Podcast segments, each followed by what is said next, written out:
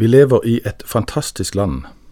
Naturen er variert og vakker, og velstanden når stadig nye høyder.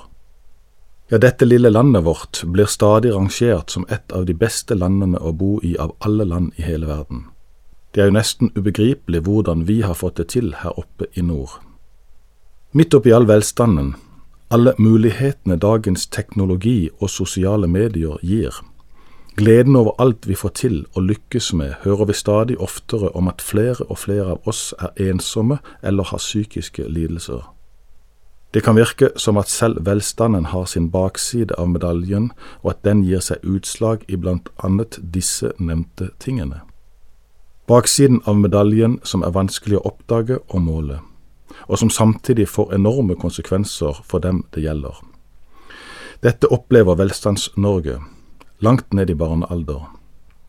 Det kan virke som vi lever under en, et stadig press til å lykkes på alle områder, se perfekt ut hele tida og alltid være tilgjengelige.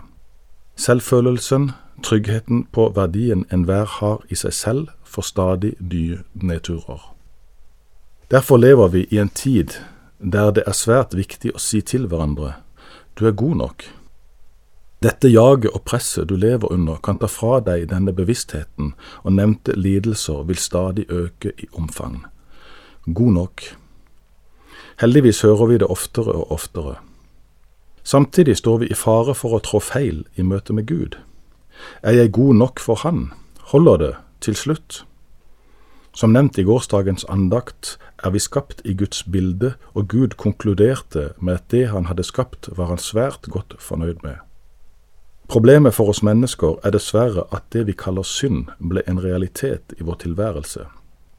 I menneskets iver etter å bli som Gud selv feilet vi fatalt, og relasjonen til Gud ble brutt.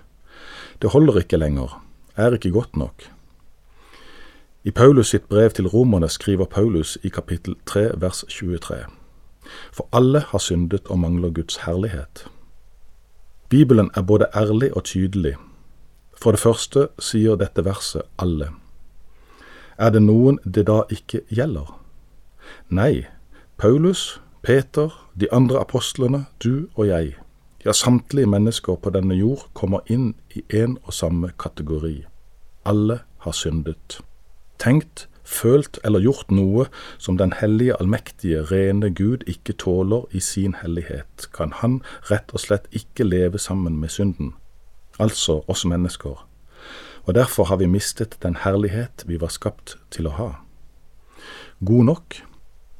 Svaret blir dessverre for oss alle nei, men fordi vi er skapt i Guds bilde, fordi vi fortsatt er unike for Gud, fordi Han elsker oss med en evig kjærlighet, handler Bibelen om mye mer enn den ærlige sannheten vi leste om i Romerne 3, 23. Bibelen er en helhet og dristig å plukke enkeltvers fra. Den bør leses i sammenheng og forstås som en helhet. Så rekker vi ikke hele Bibelen i en andakt, men avsnittet vers 23 står i, skal vi lese sammen. Så da leser vi Romerne 3, vers 21-31. Men nå er Guds rettferdighet, som loven og profetene vitner om, blitt åpenbart uavhengig av loven dette er Guds rettferdighet som gis ved troen på Jesus Kristus til alle som tror. Her er det ingen forskjell, for alle har syndet og mangler Guds herlighet. Men ufortjent og av Hans nåde blir vi kjent rettferdige. Frikjøpt i Kristus Jesus. Ham har Gud stilt synlig fram for at han ved sitt blod skulle være soningsstedet for dem som tror. Slik viste Gud sin rettferdighet for han hadde tidligere i tålmodighet holdt tilbake straffen for de synder som var begått. Men i vår tid ville han vise sin rettferdighet, både at han selv er rettferdig, og at han kjenner den rettferdig som tror på Jesus. Hva har vi da å være stolte av? Ingenting. Hvilken lov sier det? Gjerningenes lov? Nei, troens lov. For vi hevder at mennesket blir rettferdig ved tro uten lovgjerninger. Er vel Gud bare jødenes Gud? Er han ikke også Gud for andre folkeslag? Jo, også for dem. For Gud er én, han som rettferdiggjør omskårne av tro og uomskårne ved samme tro. Opphever vi da loven ved troen? Slett ikke, vi stadfester loven. Kristen tro er evangeliet, de gode nyheter, om at for alle mennesker er det en vei ut av det store dilemmaet. Og igjen brukes altså ordet alle. Det betyr at det gjelder også for deg som lytter på radioen i dag. Kort fortalt sier dette avsnittet at ingen av oss kan gjøre oss fortjent til frelsen, eller er gode nok for å oppnå fred med Gud.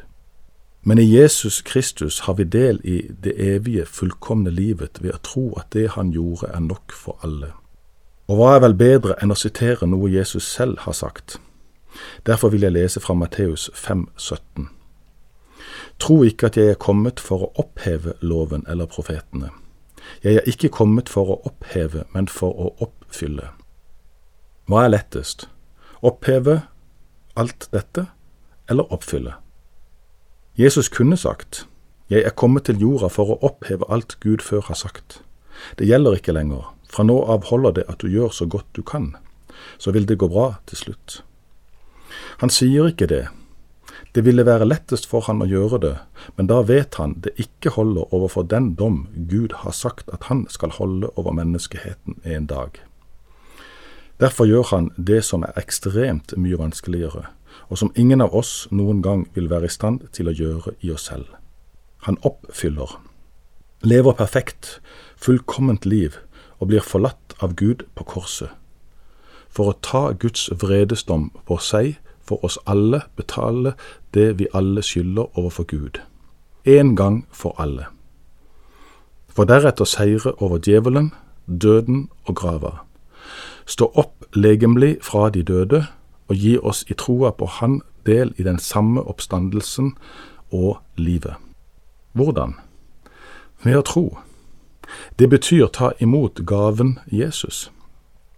Husk, det er kun én vei til Gud, og det er gjennom Jesus, som han selv sier i Johannes 14, 14,6. Jeg er veien, sannheten og livet. Ingen kommer til Far uten ved meg. Det er en vei, ja, bare én vei til Gud, men den holder. Den er god nok. Velkommen med på vandringen. Ta imot velsignelsen. Herren være foran deg for å vise deg den rette vei. Herren være ved siden av deg for å lukke deg inn i sine armer og beskytte deg. Herren være bak deg for å bevare deg fra menneskers ondskap. Herren være under deg for å fange deg opp når du faller og redde deg ut av snarene.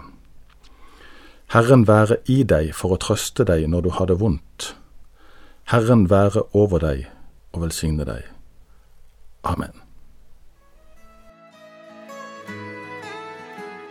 Du har lytta til Over en åpen bibel med Erik Albert i dag. Serien er et gjenhør fra 2019 og er produsert av Norea Mediemisjon. Har du kommentarer eller spørsmål, så ta gjerne kontakt med oss. Du kan bruke e-postadressen eh, postalfakrøllnorea.no, eller du kan sende oss en melding via Facebook. God sommer videre.